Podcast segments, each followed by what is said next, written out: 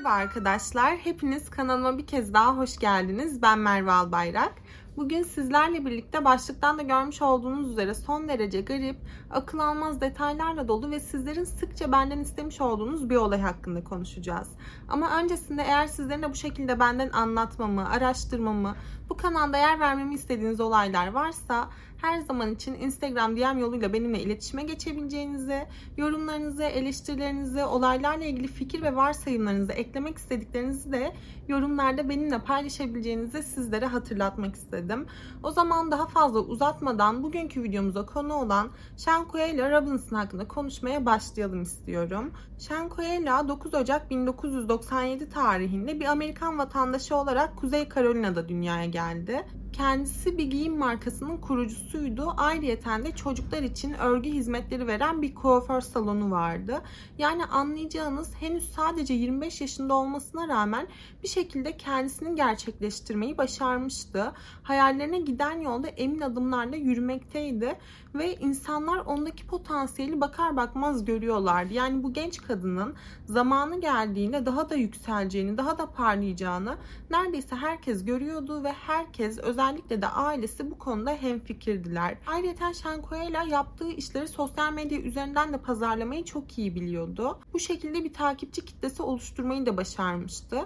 Yani bir giyim markasının kurucusu ve çocuklar için örgü hizmeti veren bir kuaför olmasının yanı sıra ayrıyeten ünlü bir sosyal medya yüzüydü. Bütün bunlarla birlikte kendisi oldukça dışa dönük, oldukça arkadaş canlısı ve insanlarla iyi geçinen, kolayca samimi olabilen bir insandı. Bu yüzden de geniş bir çevresi vardı diyebiliriz. Yani anlayacağınız Sean Coelho'nun hayatında her şey tam da olması gerektiği gibi pürüzsüz bir şekilde ilerlemekteydi. Kendisi parıl parıl parlıyordu, ekonomik özgürlüğünü eline almıştı ve dilediğince yaşayabiliyordu. Fakat bu gidişat ne yazık ki çok da uzun sürmedi. Çünkü Coelho en yakınım dediği insanların ihanetine uğramak üzereydi. Genç kadın en yakın arkadaşlarıyla birlikte 28 Ekim 2022 tarihinde yola koyulmak üzere bir Meksika tatili planlamaktaydı. Aslında bu tatil planı çok uzun bir zamandır bu arkadaş grubunun gündemindeydi. Fakat bu gruptaki herkes bir şekilde çalıştığı için, kendi özel hayatları olduğu için sürekli ertelenen bir plandı. Ama en nihayetinde 28 Ekim 2022 tarihinde hepsi topluca yola koyulma konusunda hemfikir oldular. Bu grupta Şankoyela hariç 3 erkek, 3 de kadın arkadaş bulunmaktaydı. İsimleri sırasıyla Halil Cook, Malik Patrick, Winter Essence, Alice Michael, Dejine Jackson ve Neither Wings'ti. Sean Coelho'nun bu arkadaş grubunda en yakın olduğu isim ise Halil Cook'tu tabii ki. İkili uzun bir zamandır üniversite yıllarından itibaren çok yakın arkadaşlardı. Zamanlarının büyük bir kısmını birlikte geçiriyorlardı ve genç kadının ailesi dahi onların gerçekten çok yakın iki arkadaş olduğunu bilmekteydi. Hatta zaman zaman bazı zamanlar arkadaş çevreleri tarafından birbirlerine yakıştırıldıkları dahi oluyordu. Ama tabii ki de yakın çevreleri çok iyi biliyordu ki ikili oldukça yakın arkadaşlardı. O yüzden de Sean Coelho Meksika'da bir tatil planlamaya başladığında ailesi bu durumu hiç yadırgamadı. Çünkü gerçekten de kızını güvendikleri insanlarla birlikte gönderiyorlardı bu tatile. Zaten bu tatil böyle Meksika açıklarında bir tatilde olmayacaktı. Meksika'nın tatil beldelerinden biri olan Cabo San Lucas'ta lüks bir kiralık ev tutulmuştu. Zaten birçok turist tarafından da o bölgedeki kiralık evler tercih ediliyordu ve daha öncesinde de böylesine bir sıkıntı veya olay bu bölgede yaşanmamıştı. Shanquela ve 6 arkadaşı 28 Ekim 2022 tarihinde Meksika'da kiraladıkları lüks villaya yerleşmek üzere yola çıktılar. İlk başlarda her şey oldukça güzel ilerliyordu. Zaten Meksika'ya iner inmez hiç vakit kaybetmeden doğrudan villaya gitmişlerdi. Çünkü bir an önce yerleşip tatillerine başlamak istiyorlardı. Shanquela da bu tatilde oldukça eğleniyormuş gibi görünüyordu. Yani sevdiği arkadaşlarıyla birlikte, sevdiği insanlarla birlikteydi ve uzun zamandır planlamış olduğu bir şeyi gerçekleştirmek üzereydi. Bu yüzden de o kadar heyecanlı ve o kadar dışa dönük bir haldeydi ki her yerin fotoğrafını çekiyordu ve Instagram profilinde üzerinden sürekli olarak hikayeler, storyler paylaşmaktaydı. Ve takipçilerin de onun güzel bir tatil geçirdiğini düşünmekteydi. Ama günün ilerleyen saatlerinde, akşam vakitlerinde Sean Coelho'nun Instagram hesabından çok garip bir story paylaşıldı. Bu story'e atan kişi onun en yakın arkadaşı Halil'di. Çünkü arkadan yani telefonun arka planından onun sesi gelmekteydi. Ve bu story'de görülüyordu ki story video şeklinde atılmıştı. Ve bu videoda görülüyordu ki genç kadın bir hamakta tamamen baygın bir şekilde yatmaktaydı. Bilincinin kapalı olduğu belliydi ve her ne kadar yakın arkadaşı Halil onun başında bir şeyler söylüyor ve gülüyor olsa da genç kadın gözlerini açıp bir tepki bile veremez bir haldeydi.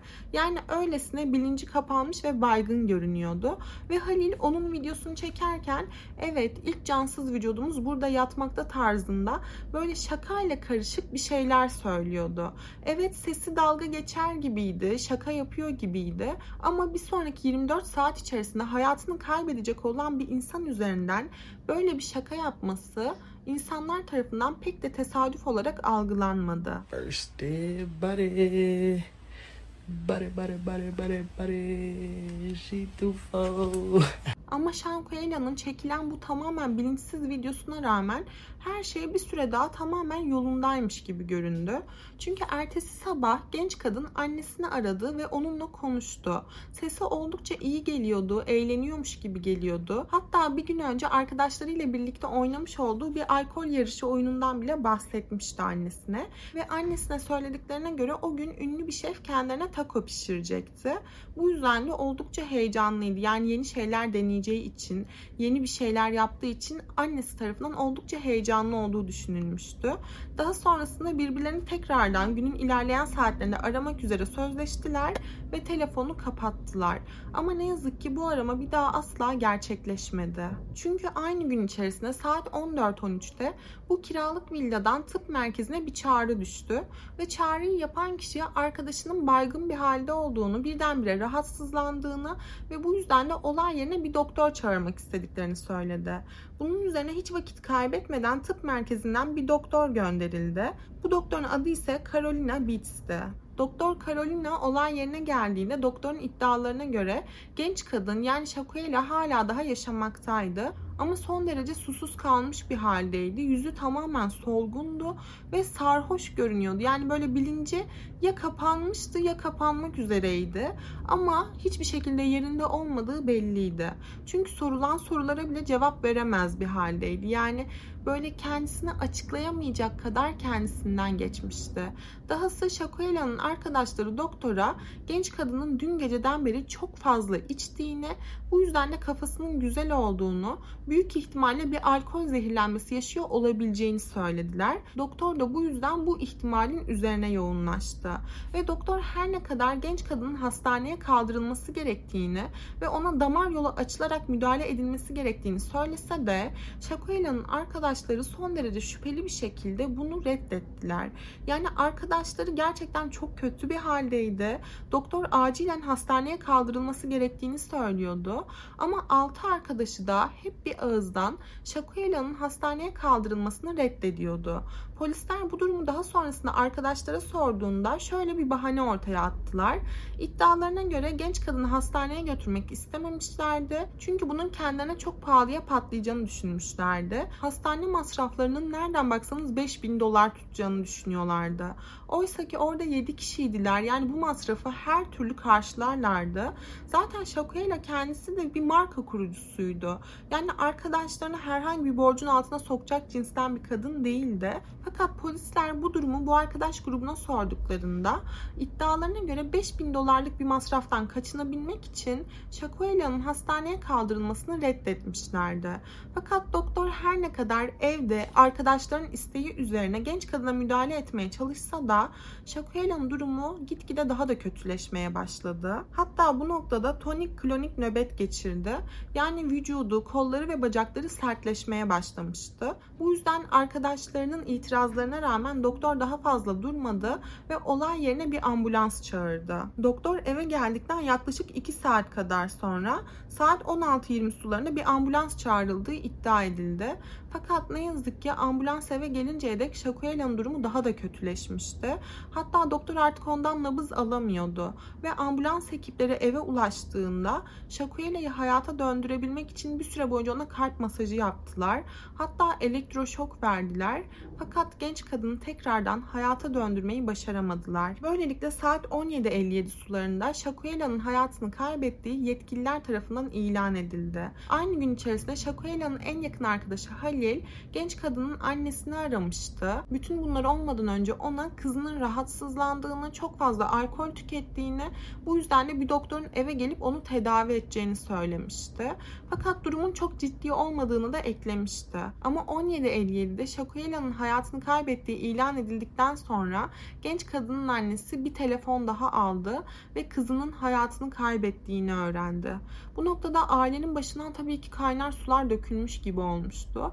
Çünkü kızları evet genç bir kadındı ama kendisinden geçecek kadar bir zehirlenme yaşayacak kadar nasıl alkol kullanmış olabilirdi? Bu noktada gerçekten çok şüpheli bir şeyler olduğu belliydi. Zaten Shakuela'nın hayatını kaybettiği ilan edildikten sonra genç kadının vücudunun ailesine teslim edilmesine karar verildi ve arkadaşları da kiraladıkları villayı terk ederek doğrudan aynı gün içerisinde kendi evlerine geri döndü. Hatta Shakuela'nın en yakın arkadaşı Halil onun eşyalarını birkaç çanta halinde onun ailesine götürmüştü. Ama bu noktada şöyle bir detay vardı ki Shakuela'nın eşyaları ve telefonu incelendiğinde çok garip bir video kaydı ortaya çıktı. Bu video kaydında genç kadın o gün yani hayatını kaybettiği gün sabah saatlerinde evin içerisinde gezmekteydi.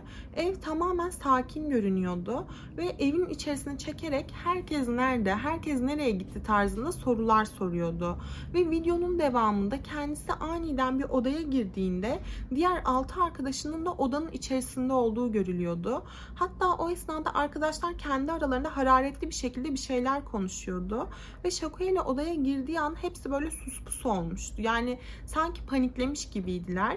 Ve bazı yetkililer, uzmanlar bu video kaydını incelediklerinde bu arkadaşların beden dilinde bir gariplik olduğunu fark ettiler. Özellikle kadın olanlar birdenbire Shakuela'yı görünce panikliyorlardı ve böyle ellerini bellerine koyarak savunma moduna geçiyorlardı. It don't take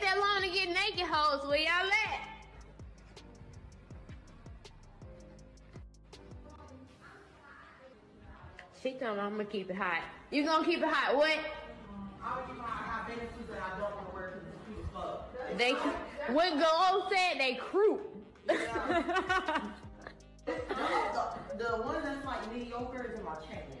Özellikle Shakuela'nın takipçileri yani onu sosyal medyadan tanıyan insanlar bu durumu kurcalamaya başladılar.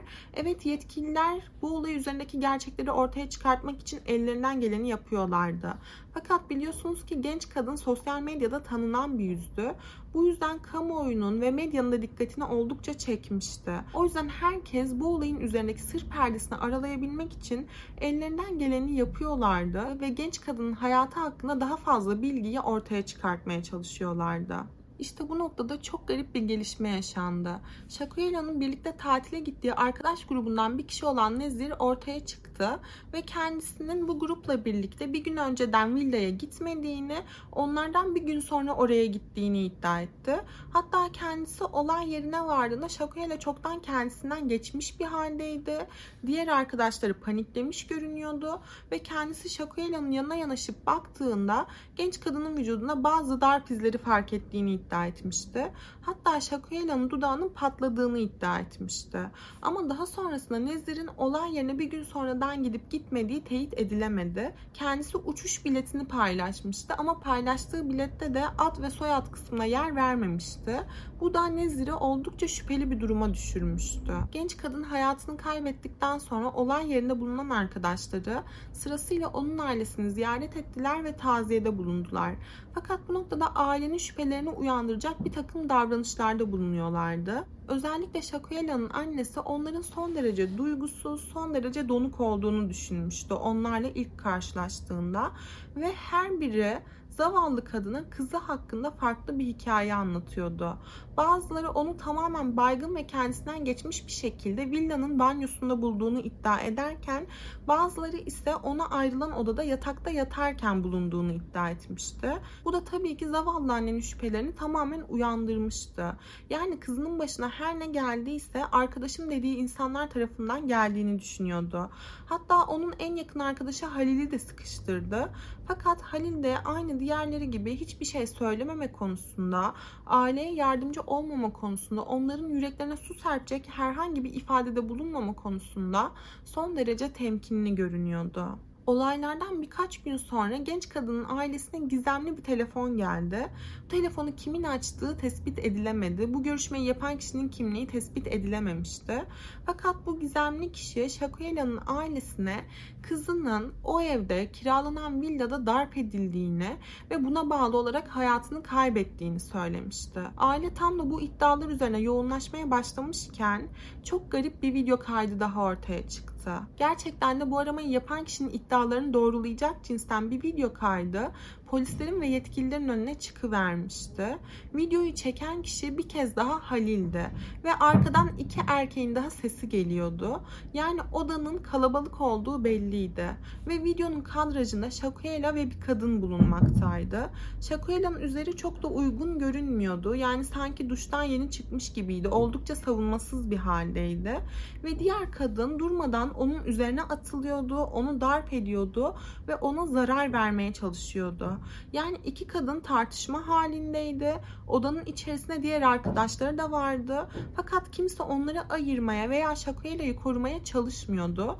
Tam tersine odanın içerisindeki herkes onları gazlıyormuş gibi görünüyordu. Hatta Shakuela'nın en yakın arkadaşı Halil kadınların tartışmasını videoya çekerken birkaç kere Shakuela'ya hadi ama karşılık veremeyecek misin, kendini koruyamayacak mısın tarzında sorular soruyordu. Ve genç kadın bu sorulara hayır şeklinde cevap veriyordu. Çünkü gerçekten daha öncesinde hiçbir zaman böyle bir tartışmanın içerisinde bulunmamıştı.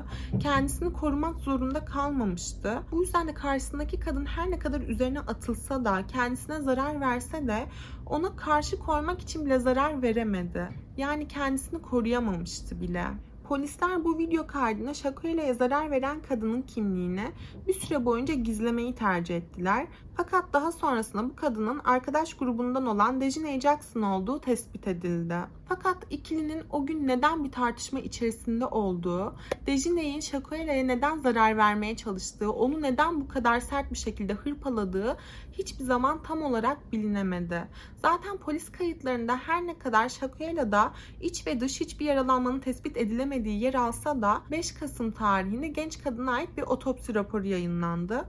Bu otopsi raporuna göre Shakuela gerçekten de darp edilmişti. Vücudunda hem darp izleri vardı hem de kafatasında böyle ufak bir yaralanma vardı. Kafatasının taban kısmı omuriliğinin ilk kemiğinden ayrılmıştı. Yani bu da demek oluyordu ki Shakuela darp edildiği esnada boynu kırılmıştı ve bu yüzden de sonraki 15 dakika içerisinde hayatını kaybetmişti. Ancak şöyle bir tezatlık vardı ki otopsi raporuna göre genç kadın boynu kırıldıktan 15 dakika sonra saat 3 sularında hayatını kaybetmişti. Ama biliyorsunuz ki eve gelen doktor saat 4.20 sularına kadar Shakuela'nın yanında olduğunu ve ona müdahale etmeye çalıştığını söylemişti. Eve geldiği saat ise 2.13'tü. Yani Shakuela'nın bu durumda doktor eve geldikten sonra boynunun kırılmış olması gerekiyordu. Yani polis tutanakları ve otopsi raporu birbirlerinden tamamen farklı şeyler söylemekteydi. Ancak her ne kadar Shakuela'nın kiralanan villada arkadaşları tarafından darp edildiği ve bu anlarında videoya çekildiği yetkililer tarafından teyit edilmiş olsa da yani videolu bir belgenin ortada olmuş olmasına rağmen bu olaydan dolayı kimse sorumlu tutulmadı, tutuklanmadı, yargılanmadı. Bu davanın şu an hala daha devam ettiğini biliyoruz. Çünkü çok yeni yaşanmış bir olay. O yüzden de sonraki zamanlarda bu olayla ilgili birçok gelişmenin yaşanacağına, birçok yeni delil ve kanıtın ortaya çıkacağına eminim. Ama bugünlük benim bu olay hakkında anlatacaklarım buraya kadardı. Videonun başında da söylediğim gibi sizlerin bu olaya eklemek istediğiniz, benim videoda yer vermediğim bir şeyler varsa, herhangi bir varsayımınız veya teoriniz varsa mutlaka yorumlarda bizlerle paylaşabilirsiniz. Bir sonraki videoda görüşmek üzere. Kendinize iyi bakın. Hoşçakalın.